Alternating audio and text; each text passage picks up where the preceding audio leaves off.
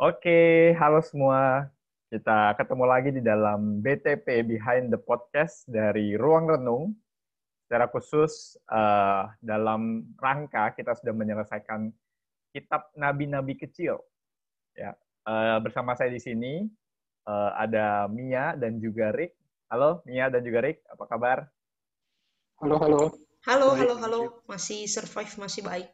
Masih survive, puji Tuhan ya. Wah, akhirnya kita sudah bisa ketemu lagi dalam Behind the Podcast setelah berapa lama ya? Episode Nabi Kecil sudah terlalu banyak ya.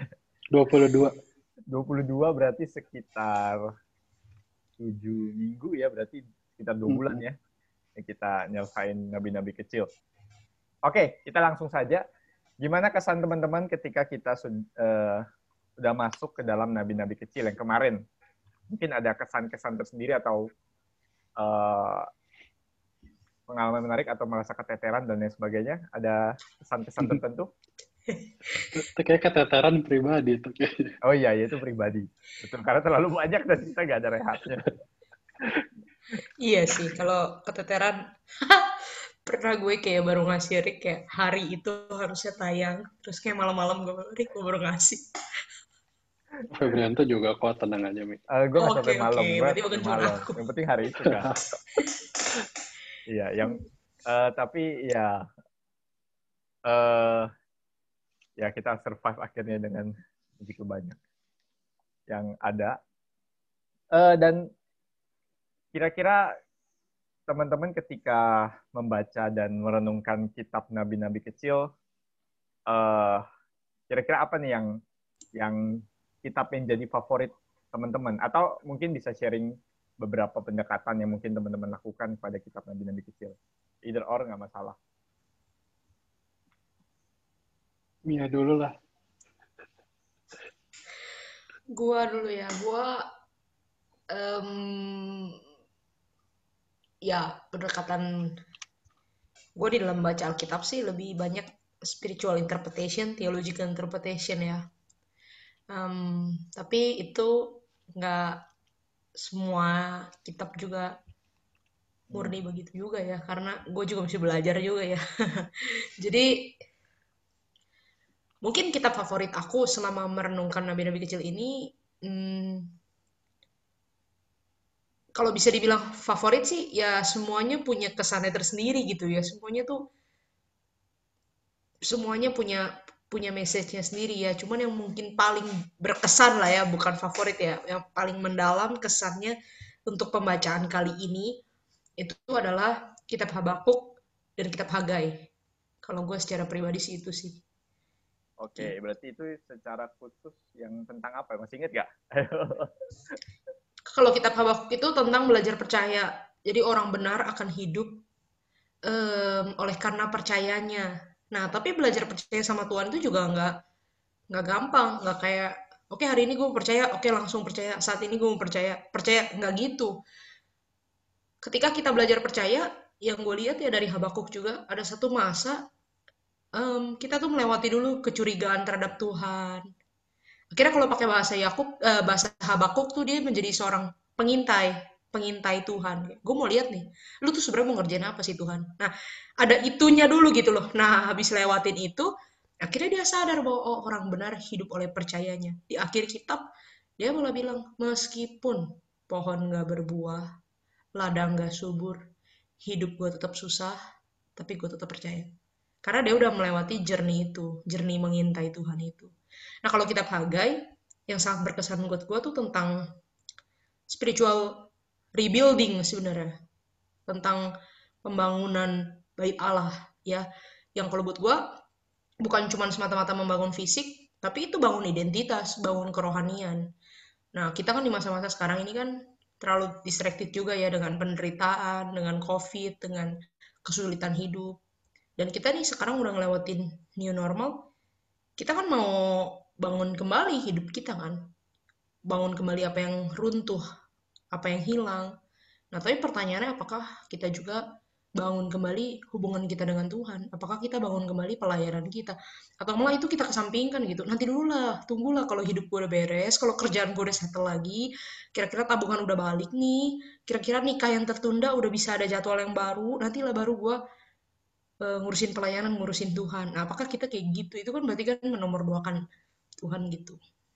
Oke, berarti itu di episode yang mengintai Tuhan sama yang Haga itu apa ya? Episodenya ya. To be honest, gue juga lupa. mangkrak, mangkrak. mangkrak rohani ya? Mangkrak rohani. Iya, iya. iya. Mangkrak rohani itu sebenarnya dari keadaan bangsa Israel. Mangkrak pembangunan. Oh, mereka ngebiarin bait Allahnya tuh nggak terbangun 17 tahun. Mereka tuh bilang ini belum saatnya membangun rumah Tuhan. Ya itu kalau oke okay lah, kalau lu baru pulang dari pembuangan sebulan, dua bulan, ini nggak men, ini udah 17 tahun. Berarti lu udah hidup new normal tuh, lu udah terbiasa hidup 17 tahun gitu. Nah, tapi pembangunan bait Allah diabaikan kayak gitu. Oke, okay, sip. Thank you, thank you. Kalau Rick gimana Rick? Sebagai editor dan juga kontributor. Kalau editor nggak boleh mangkrak ya Mi ya. Bisa telat upload nih. Uh, mungkin gue yang awal sama yang akhir deh ya, yang mungkin berkesan karena kebetulan gue juga isi di dua-duanya. Kan yang awal di Hosea, oh, yang terakhir perpuluhan kan Maleaki. Iya. Eh kita start dari Hosea kan ya, bukan Daniel ya. Uh... Jadi ya kan kita start dari Hosea kan lupa ya. Dari Hosea, dari Hosea, dari Hosea. Gue inget banget waktu itu gue ngusulin Daniel, terus Febri bilang Daniel tuh masih nabi besar. Oh oke okay, oke okay, oke. Okay. Mungkin waktu pelajaran para nabi waktu itu aku udah hilang. Mesti ulang komplit komplit biblika. Iya, soalnya mungkin dua ini cukup apa ya? Cukup menarik. Kalau Hosea gue lebih lihat uh, bagaimana dari atas ke bawah ya, bagaimana kasih Tuhan itu uh, setia sekali sama bangsa Israel. Kan kalau dilihat gambarannya bagaimana simbolik action dari Hosea yang mengawini kembali si Gomer yang bahkan habis itu dia suruh ambil lagi dari uh, tempat pelacuran dan menebusnya gitu ya. Gambaran gambaran ini ya, gambaran Allah dengan Israel itu seperti direlasikan dengan suami istri yang nantinya juga kalau di perjanjian baru kita tahu Kristus dengan gereja juga digunakan metafora yang sama gitu. Jadi ya kita pause ini berbicara bagaimana kasih Tuhan yang besar bahkan buat gue pribadi mungkin ya perjanjian lama yang salah satu kitab uh, yang berbicara kasih Yahweh paling uh, apa ya paling tangible paling bisa dirasakan salah satunya adalah kitab Hosea ini gitu. Uh, pasal 2 ayat 20 itu kayaknya uh, eh, gue juga tuh waktu itu bawain, cuman gue lupa judulnya, yang dia bilang uh, pasal 2 ayat 22 ya, aku akan menaburkan dia bagiku di bumi dan akan menyayangi lo ruhama, dan aku berkata kepada lo, lo ami umatku engkau. Uh, playing words-nya juga bagus nih, kalau salah dikutip juga di Roma 9 ya, yang aku akan berkata kepada eh, aku akan menyayangi lo ruhama yang tidak kusayangi dan aku akan berkata kepada lo Ami yang bukan umatku, umatku engkau gitu. Jadi retorikanya menarik gitu Hosea ya, menggambarkan akan kesetiaan Tuhan buat orang yang tidak layak gitu. Ada reversal berarti ya? Iya. Oke, berarti itu yang inscrutable law sama Iya, iya benar inscrutable law. ya. Sambil lihat. Uh, itu kan yang Hosea ya. Kalau Maleaki gue lebih perenungannya bagaimana respon kita kepada Tuhan ya. Di awal-awal kan udah ditekankan juga ya di Malaikat itu bahwa aku mengasihi engkau Israel, Israel aku mengasihi Yakub dan bukan Esau. Jadi seperti ada konfirmasi, tapi kebanyakan isu-isu dari Malaikat itu adalah bagaimana umat gagal kembali mengasihi Tuhan di tengah new normal mereka pada saat itu ya, saat mereka kembali dari pembuangan bertahun-tahun, kemungkinan Maleakis sudah agak lebih lama daripada Hagai, sekitaran mungkin zaman-zaman Esra 450-an sampai 430-an sebelum Masehi. Jadi ini cukup menarik juga ya kalau Hosea tadi kan masih zamannya raja-raja gitu ya, terus masuk ke Maleaki.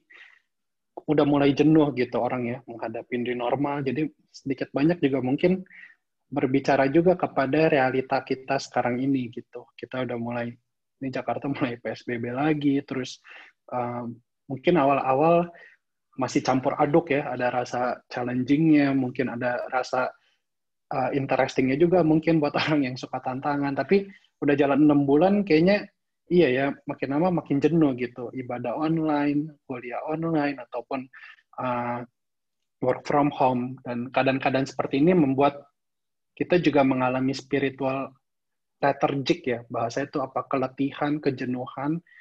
Dan Mariaki itu sangat menggambarkan sekali di mana mereka perpuluhan udah nggak jalan bahkan imam-imam saja memberikan persembahan yang second best gitu bukan yang terbaik kemudian juga mereka udah mulai kawin campur. Uh, ya Malaki itu banyak ya problem-problemnya itu ya di, ditekankan di dalam empat pasal itu.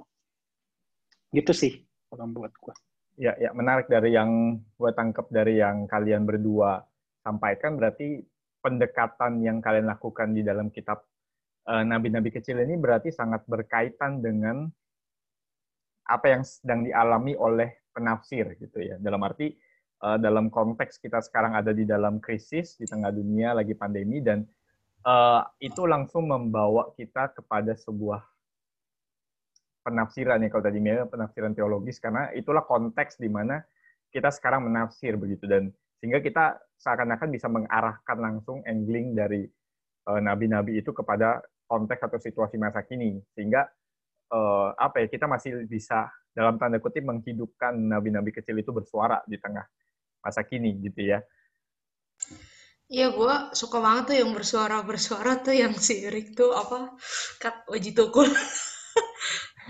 Diberkatilah kata-kata. Oh, itu sebagai pengagum berat Wiji Tukul from life and death, gue merasa sangat terhormat tuh.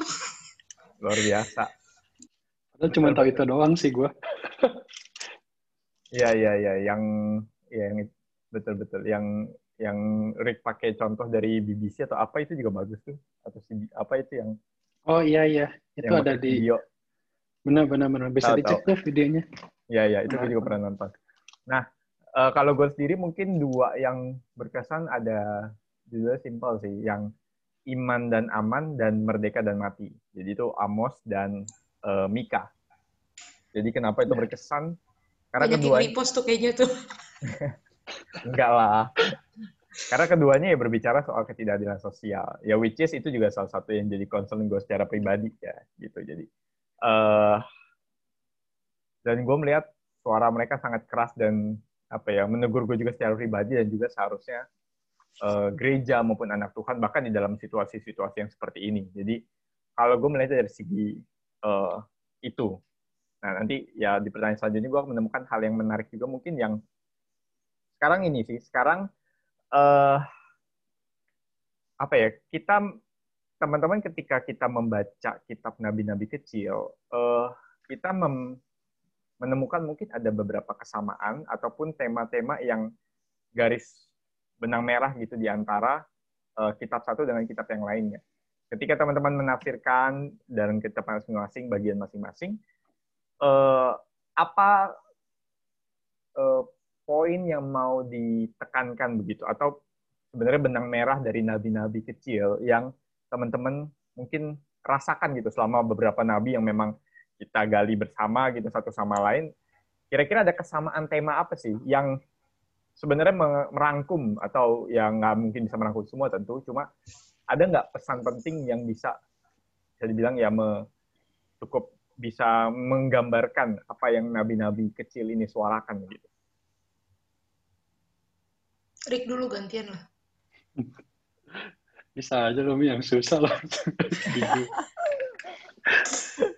ya mungkin uh, tone-tone-nya sih gue rasa mirip ya. Biasa uh, kita para nabi itu isinya tuh uh, ada judgement, terus seperti ada apa ya tawaran untuk pertobatan gitu. Kamu mau bertobat nggak? Kalau misalnya kamu bertobat, kamu akan punya harapan. Berapa kali juga uh, muncul ya kata-kata hari Tuhan dan kata hari Tuhan ini sebenarnya cukup menarik. Satu sisi bisa jadi menggambarkan satu uh, promise akan Dan di depan yang akan di fulfilled itu bisa gambarannya penghakiman, tapi bisa juga gambarannya juga penghiburan jika itu dihidupi oleh orang-orang benar gitu. Jadi hari Tuhan ini mungkin ya kalau ada teman-teman yang lebih tertarik ya eh, berita penghakiman itu gue jadinya lihat gini sih. Karena kan kalau kita lihatnya ketakutan gitu ya. Tapi satu sisi itu kalau buat orang benar, buat orang yang menerima pertobatan itu satu jadi kabar sukacita gitu. Bahkan uh, nggak tahu nih di dalam hati gue yang juga mungkin uh, masih di dalam hati nurani gue juga melihat Alkitab ini to be fair gitu ya. Bahkan berita penghiburan bagi bangsa Israel, orang-orang yang bertobat, yang berbalik, dan orang-orang yang benar, uh, penghakiman bagi bangsa-bangsa lain itu bisa menjadi berita penghiburan buat bangsa-bangsa Israel gitu bahwa at the end Tuhan akan menghakimi mereka juga. That's why Habakuk itu sangat trouble sekali saat dia melihat kenapa kok Tuhan pakai bangsa yang lebih buruk buat menghukum dia gitu, masih buat menghukum bangsa Israel. Karena itu saat berita judgment itu ya khususnya itu kan makanya pengharapan eskatologis daripada orang-orang Yahudi itu kan kedatangan Mesias itu membebaskan mereka sekaligus menghakimi orang-orang kafir, orang-orang berdosa gitu. Dan teguran ini justru akan memperlihatkan bahwa sebenarnya bangsa Israel lah yang butuh pertobatan. Nah, kata pertobatan ini pun juga perlu kita maknai ulang apakah pertobatan ini hanya masalah kalau kita kan simpelnya terima Yesus selamat gitu ya. Tetapi kalau lihat berita pertobatan di uh, nabi-nabi kecil spektrumnya luas. Masalah uh, penindasan orang-orang lemah itu disuruh ada panggilan pertobatan. Yunus yang tidak taat untuk menjalani panggilan Tuhan itu juga seperti bentuk teguran terhadap ya Yunus sendiri yang tidak taat ya sama perintah Tuhan ataupun juga hal-hal kalau lihat di Maleaki tadi ya isunya juga banyak. Dan inilah berita pertobatan tuh holistik ya. Bagaimana berita uh, tadi ya lebih banyak mungkin nuansanya judgment di nabi kecil ini untuk membawa bangsa Israel kembali suf pulang ya untuk bertobat. Dan uh, ya ini yang gue lihat ya benang merah yang berapa kali berulang tema-tema atau motif yang muncul lagi muncul lagi di kitab nabi-nabi secara khusus minor prophets ini. Oke, Mi gimana Mi? Sama intinya tadi udah salah juga ya menyerahkan dia jawab dulu jadi udah diambil. jadi kalau yang gue lihat ya tema utama yang paling apa ya bold yang paling terang menurut gue itu ya yaitu ya repent, bertobatlah dan juga hope ya, harapan untuk pemulihan itu. Ya di samping itu sih ada juga sih tema tentang kasih Allah, kesetiaan Allah. Ada juga sih. Ya itu. Cuman kalau yang gue sendiri um, sangat terkesan yaitu panggilan pertobatan dan harapan janji pemulihan dari Tuhan gitu. Ya, jadi judgment and hope yaitu tema yang sebenarnya berulang ya ketika nabi-nabi ya termasuk sebenarnya sih nabi-nabi besar ya bahwa uh, bukan cuma berbicara masalah penghakiman di akhir dengan penghakiman tapi juga dengan hope begitu ya. Uh, dan juga mungkin eh, nabi-nabi kecil memang banyak juga yang menarik ya. Ini bukan bukan benang merah, tapi yang menarik yang aku temukan juga adalah ada bersuara uh, kepada bangsa-bangsa lain juga seperti misalnya Obaja dan lain-lain sebagainya. Walaupun yang baca itu kan juga adalah orang Israel sebenarnya ya. Iya. Yunus juga sebenarnya sangat kental dengan itu ya. Betul. Berita kepada bangsa-bangsa lain juga. Betul. Nah, kalau uh, gue sendiri secara pribadi memang menemukan kesamaannya benang merah seperti yang tadi teman-teman sampaikan juga, uh, tapi juga berkaitan mungkin dengan sebuah apa ya, ya pertobatan, tetapi sekaligus dimensi yang lebih holistik daripada kehidupan bangsa Israel. Jadi dalam arti ketika Tuhan menegur bangsa Israel, Tuhan tidak pernah menegur hanya masalah spiritual, hanya soal masalah mereka kurang beribadah. Mereka cukup beribadah sebenarnya. Ya walaupun dengan hati yang mungkin kurang serius juga. Tapi secara ibadah pengorbanan kan sering kali sering kali Tuhan bilang ya mereka udah kasih persembahan, korban mereka kasih. Cuma bukan itu yang Tuhan mau, yang menariknya begitu. Jadi yang apa yang Tuhan suruh justru mereka lakukan, tapi Tuhan nggak terima. Karena ada dimensi lain yang mereka abaikan. Jadi kayak kehidupan sebagai umat Allah itu kehidupan yang holistik dan berkaitan erat dengan kehidupan sehari-hari, termasuk dengan masalah dimensi sosial. ketika mereka menindas orang miskin, ketika berbicara soal ketidakadilan sosial, kalau aku pribadi melihat di beberapa kitab sangat kental. Masalah utamanya selain penyembahan berhala, walaupun ada tapi dikit, uh, itu hanya sedikit sebagian, tapi juga berkaitan erat dengan masalah sosial. Seperti misalnya di Amos, uh, yang bangsa Israel juga melakukan ketidakadilan sosial, dan terutama di uh, kitab Nabi Mika, yaitu yang salah satu yang uh, buat aku pribadi mengena begitu ya, karena berbicara soal uh, para nabi yang menerima suap, para pemimpin-pemimpin yang menerima suap begitu, nabi yang hanya memberitakan damai kalau mereka dibayar, dikasih makan begitu. Dan uh, gue menemukan tema ini justru tema yang entah kenapa mungkin hilang di dalam, bukan hilang sih, melunak mungkin di dalam penafsiran kita sekarang. Uh, apakah mungkin memang uh, apa ya, kalau secara pribadi, ini tema yang cukup dominan juga di kitab nabi-nabi kecil, tapi ketika masuk ke perjanjian baru, tema-tema seperti ini sudah tidak banyak bersuara begitu. Akibatnya ya, oh ini dari tuh ya, akhirnya orang-orang Kristen menafsirkan perjanjian baru pun sudah mulai hilang dimensi dari penyembahan secara horizontal. Maksudnya penyembahan kepada Allah yang dilakukan dengan melakukan keadilan, melakukan kebenaran kepada orang lain, orang-orang yang lemah, orang-orang yang sengsara. Itu yang di, karena fokus pada perjanjian baru lama-lama kelamaan semakin seakan-akan melunak begitu ya. Uh, penafsirannya begitu seakan-akan. Itu yang aku temukan menarik gitu karena itu tidak lagi jadi penekanan karena itu PL sekarang sudah perjanjian baru sehingga ya nggak terlalu banyak penekanan soal itu begitu. Pertobatannya pun maknanya sudah mulai berbeda begitu walaupun memang ada continue ada discontinue juga begitu padahal sebenarnya somehow juga di surat-surat Eh, Paulus atau juga surat-surat umum yang dikirimkan kepada gereja-gereja itu isu sosial kondak itu sangat kental juga ya. Jadi mungkin kalau dikatakan dampak penyembahan kepada Tuhan itu pasti akan selalu begitu ya. Bagaimana Kristen berelasi, ya Paulus di dalam Korintus bahas soal kayak makanan, orang kaya dan orang miskin, um, memberi tumpangan, memberikan perhatian kepada para janda dan seperti itu. Sebenarnya isu itu tuh diangkat juga ya.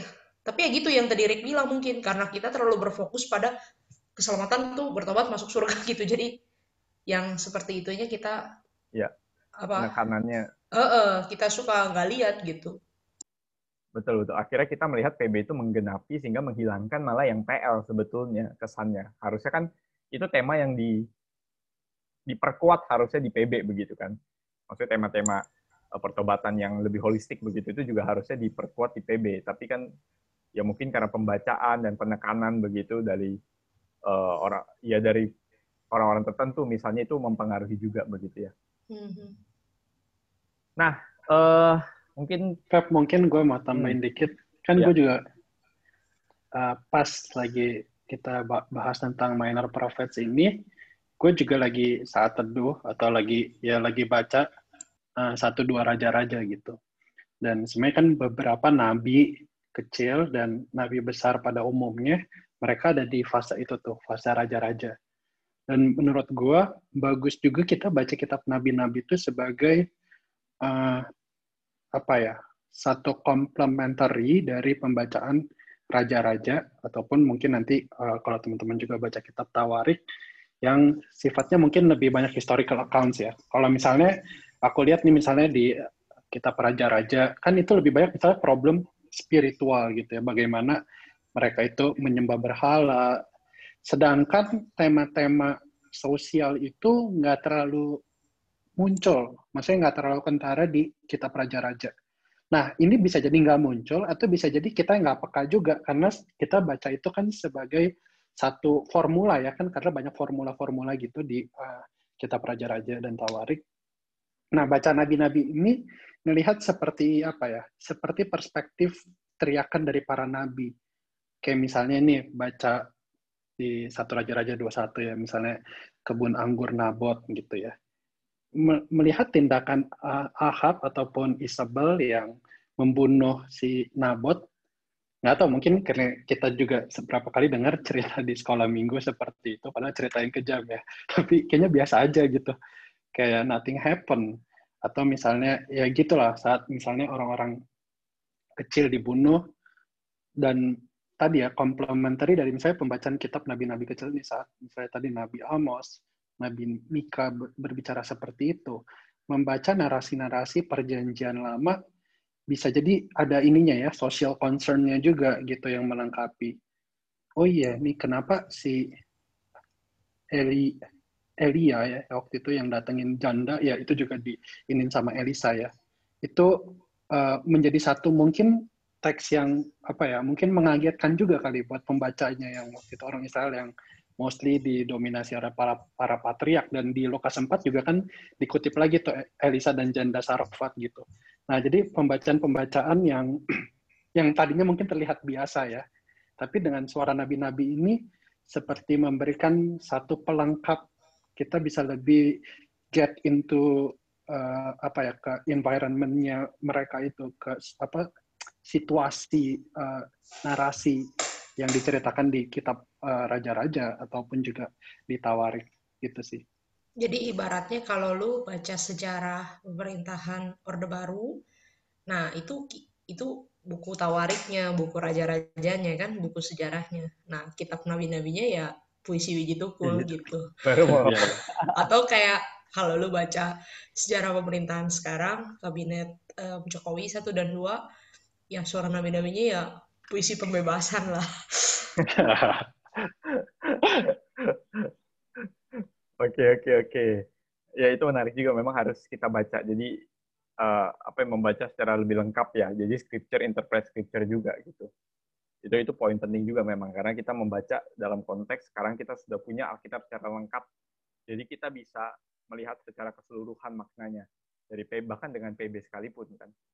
Uh, Oke, okay, nah terakhir nih buat uh, teman-teman mungkin uh, mungkin bisa beberapa kalimat begitu uh, apa yang kita secara pribadi uh, rasakan begitu uh, bukan rasakan ya mungkin lebih ke apa hal baru message yang kita dapatkan kepada diri kita sendiri ketika membaca uh, kitab nabi-nabi atau merenungkan ya. Mungkin dari yang teman-teman sudah bahas, dari tadi yang mungkin lumayan berkesan, yang teman-teman ini lebih ke sharing personal gitu. Ya. Hal baru, pesan pesan itu kan nabi-nabi harusnya berbicara buat kita juga begitu.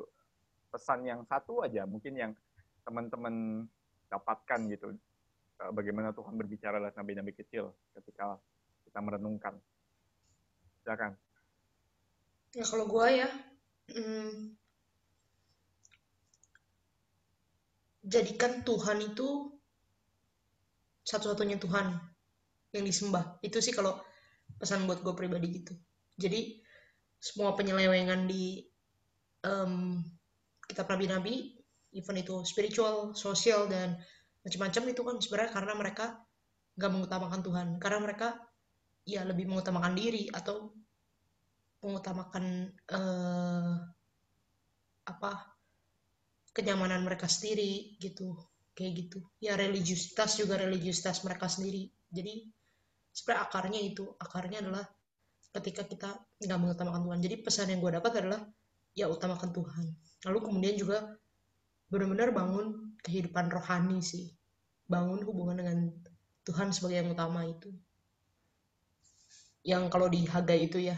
Jadi jangan mengabaikan gitu. Lu pikir kayak mungkin kalau gue memaknanya secara spiritual uh, secara spiritual yang yang lebih personal gitu ya dalam hidup kita juga kan kadang kita punya intensi untuk membangun sesuatu gitu. Bangun karir bangun koneksi bangun masa depan yang lebih baik. Tapi sebenarnya bukan itu gitu. Yang utama adalah benar-benar bangun spirituality kita dulu sebenarnya di dalam Tuhan. Bangun rumah Tuhan itu gitu. Itu sih. Oke. Rick gimana Rick? Iya, uh, kalau dari perenungan gue tuh yang judulnya yang Buckingham tidak mengerti dari salib. Itu perenungan gue terhadap Obaja. Uh, yaitu berbicara banyak sih buat gue pribadi. Itu bicara soal kesombongan gitu. Dan bicara soal kesombongan tuh ternyata tidak sesimpel kita memamer apa yang kita punya atau kita jadi uh, kelihatan sombong di hadapan orang-orang gitu. Tapi uh, ya itu berbicara soal siapa kita menilai diri kita gitu sebagai manusia ya di hadapan Tuhan, di hadapan sesama. Menurut gue saat kita gagal ya menilai siapa diri kita sebagai uh, manusia yang seharusnya itu ya kita sangat mudah sekali jatuh di dalam kesombongan. Dan kitab nabi-nabi uh, in general menurutku juga berbicara bagaimana di dalam penghakiman itu Tuhan mengingatkan siapa bangsa Israel sesungguhnya. Seringkali superioritas mereka sebagai umat Allah ataupun konteks-konteks yang membuat mereka bisa menjadi lebih merasa lebih tinggi mungkin ketimbang bangsa lain, mereka lebih tinggi daripada kelas sosial lain, mereka menjadi otonom bahkan daripada Tuhan, lebih tinggi daripada Tuhan uh, itu sendiri. Itu berita-berita yang ditentang oleh para para nabi di nabi-nabi kecil. Jadi gue melihat bahwa uh, ya kita perlu sadar siapa sih kita di hadapan Tuhan gitu, bahwa uh, pesan nabi-nabi ini akan membawa kita mengerti posisi, status, identitas kita di hadapan Tuhan. Lalu uh, gue juga uh, diberkati juga lewat ini ada gue punya buku yang Hidden Prophets of the Bible, punya subtitle lagi nih Finding the Gospel in Hosea through Malachi. Jadi uh, dia menekankan bahwa uh, apa ya kitab-kitab Nabi ini juga menjadi pintu untuk masuk kepada Injil gitu. Dan kitab-kitab Nabi ini nggak bisa dilepas membacanya daripada Injil. Jadi kalau di buku ini dia di akhir babnya itu dia selalu relate bagaimana minor prophets ini berbicara kepada Injil. Dan gue lihat memang minor apa kitab nabi-nabi kecil ini uh, membuat gue punya sense akan penghakiman yang lebih tinggi. Dan sejujurnya saat kita tahu ya penghakiman itu ditujukan kepada orang berdosa, seberapa layaknya kita dihukum, dihakimi, dan bagaimana juga mereka menantikan pengharapan saat kita menantikan pengharapan. Nah, sebenarnya Injil kan masuk dari sini gitu. Saat orang sudah tahu bahwa dirinya itu nggak layak, mereka cuma taunya mereka bagian daripada penghakiman Tuhan, dan yang mereka butuhkan adalah bagaimana Tuhan mau menerima mereka kembali, bagaimana mereka punya pengharapan. Dan ya jadi relatif banyak menurut gue minor prophets ini merujuk kepada satu berita akan suatu penghiburan yang total ya. Bagaimana saat nanti Mesias datang membebaskan bukan hanya bangsa Israel tapi seluruh umat percaya membebaskan bukan hanya daripada penindasan yang sifatnya fisik tapi juga bagaimana secara spiritual dia membebaskan kita dari dosa. Jadi uh, ditulis di sini ya minor prophets offer major contributions ya meskipun mereka nabi-nabi kecil tetapi perannya sangat besar gitu untuk ya tadi di dalam kita memahami Injil itu sendiri pun jadi lebih kaya ya buat gua personal at least. Ya, ya. Makanya juga sebenarnya bukan namanya bukan nabi kecil ya harusnya ya, tapi nabi nabi-nabi yang terkemudian lah ibaratnya. Karena dampaknya bukan kecil itu bikin kecil itu bikin mereka jadi terabaikan dan terlihat gak, kecil. terlihat nggak terlalu ngefek gitu.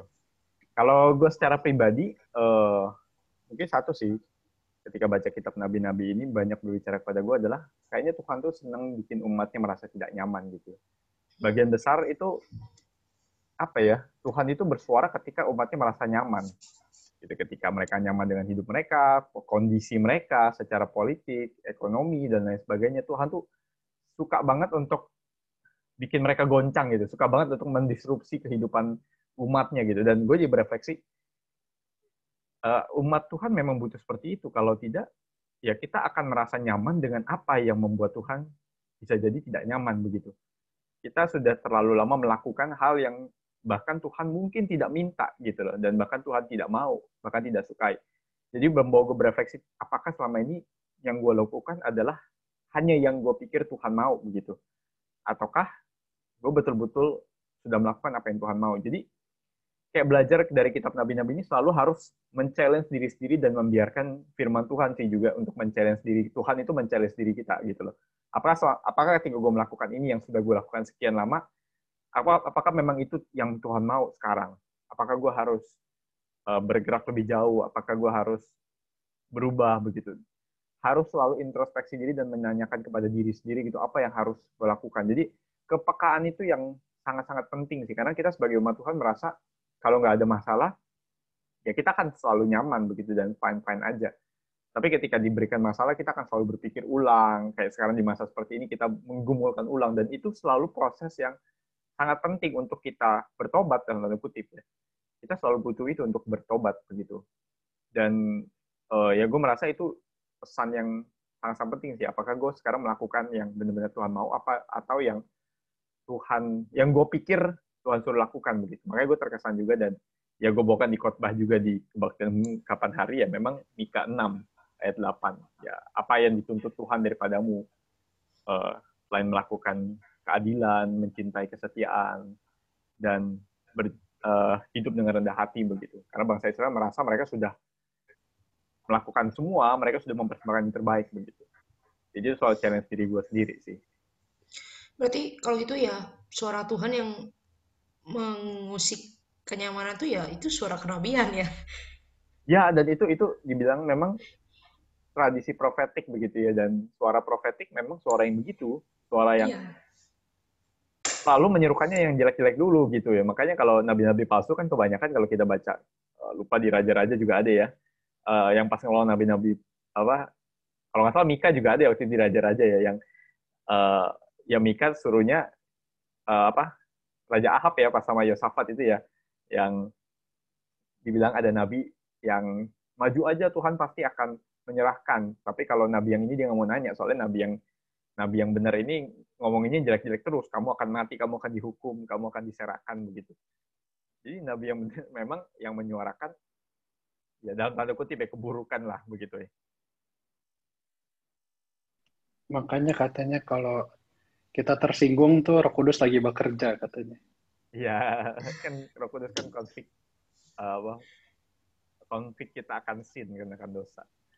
Oke, jadi uh, sampai di sini ya kita membahas kitab nabi-nabi kecil. Sangat senang kita dan bersyukur kita sudah selesai sampai sejauh ini dan harap uh, juga teman-teman juga bisa enjoy, terutama pendengar-pendengar kita boleh menikmati semua yang sudah kita renungkan dan menjadi bagian dan encourage juga buat teman-teman pendengar juga boleh tetap apa ya menggumulkan firman Tuhan sendiri begitu. Jadi kita nggak mau kasih punyahan kita uh, semua muntahan kita ya tapi kita pengen teman-teman juga justru kita podcast ini adalah supaya teman-teman yang lain juga apa yang menggali sendiri dan menggumulkan sendiri kebenaran firman Tuhan. Justru kita kan memberikan ruang untuk teman-teman merenung. Oke, siap. Oke. Sebenarnya pikir ya kalau bisa waktu-waktu kapan yang pengen share atau apa gitu kita juga kalau bisa kasih ruang juga ya buat mereka oh, ya. Boleh betul. Bahkan bagi pendengar ya pendengar setia kita ya. Maksudnya yang memang mau mengisi begitu ya kita hmm. bisa. Itu itu menarik begitu. Karena kita bukan ini bukan cuma soal kita begitu ya kita ini bukan soal kita gitu. Tapi itu itu ide yang bagus. Nah uh, mungkin ketika teman-teman di akhir dari BTP ini teman-teman akan bertanya selanjutnya apa? Kan biasa kita umumkannya. Jawabannya adalah kita belum tahu. Tepatnya kita belum diskusikan kita perlu ruang. Kita perlu ruang. kita perlu ruang untuk tidak merenung. perlu ruang tunggu. ya, jadi uh, kita nggak nggak nggak break lama. Jadi maksudnya ya kita pasti toh teman-teman juga kayaknya nggak tahu juga kita posting tiap berapa lama sekali sih sebenarnya kita nggak kasih jadwal kita jadi sebenarnya santai aja jadi kita pasti akan tetap berusaha uh, menghasilkan renungan-renungan juga uh, ya pasti selalu ada break lah karena butuh waktu. Kita juga ada kesibukan masing-masing tapi kita berusaha juga uh, yang terbaik juga buat pendengar-pendengar kita men-encourage teman-teman juga. Oke jadi nanti tunggu kabar lagi dari kita. Uh, jangan lupa untuk uh, follow. Kita sudah punya akun IG jadi bisa di follow di sana. Ada quotes quotes ada uh, apa ada hal-hal yang lain yang bisa teman-teman dapatkan. Apa nama IG-nya di mention dong? IG-nya namanya apa ya? At ruangrenung.podcast. At apa Mi? Bener ya? Bener, ruang, bener. Ruangrenung.podcast ya, benar. Artinya saya sering buka ya. Ya, jadi teman-teman yang mau follow di sana atau follow kita masing-masing juga boleh sekalian. Jangan okay. lupa comment, like, dan subscribe. subscribe. Kayak ada YouTube-nya aja ya. Ya, okay. kalau renungan-renungan um, di ruang renung, teman-teman rasa bisa jadi berkat buat teman-teman, hmm, silakan share ke teman-teman yang lain ya, ke teman-teman gereja, teman-teman di circle kalian, di keluarga kalian. Ya, uh, kita ya. akan sangat um, senang sekali kalau bisa jadi berkat buat lebih banyak orang. Betul. Apalagi dengar feedback dari teman-teman itu encourage kita juga begitu untuk hmm. terus uh, melangkah begitu. Oke, okay, karena durasi sampai di sini dulu BTP kita untuk edisi kali ini. Thank you buat Rick dan Mia sudah you, join pada hari ini. Dan sampai jumpa di dalam episode episode yang selanjutnya dan juga BTP yang selanjutnya di uh, season ke depan ya. Oke. Okay. okay. Thank you. Sampai jumpa. God bless you all. Thank you. God bless you all. Bye bye.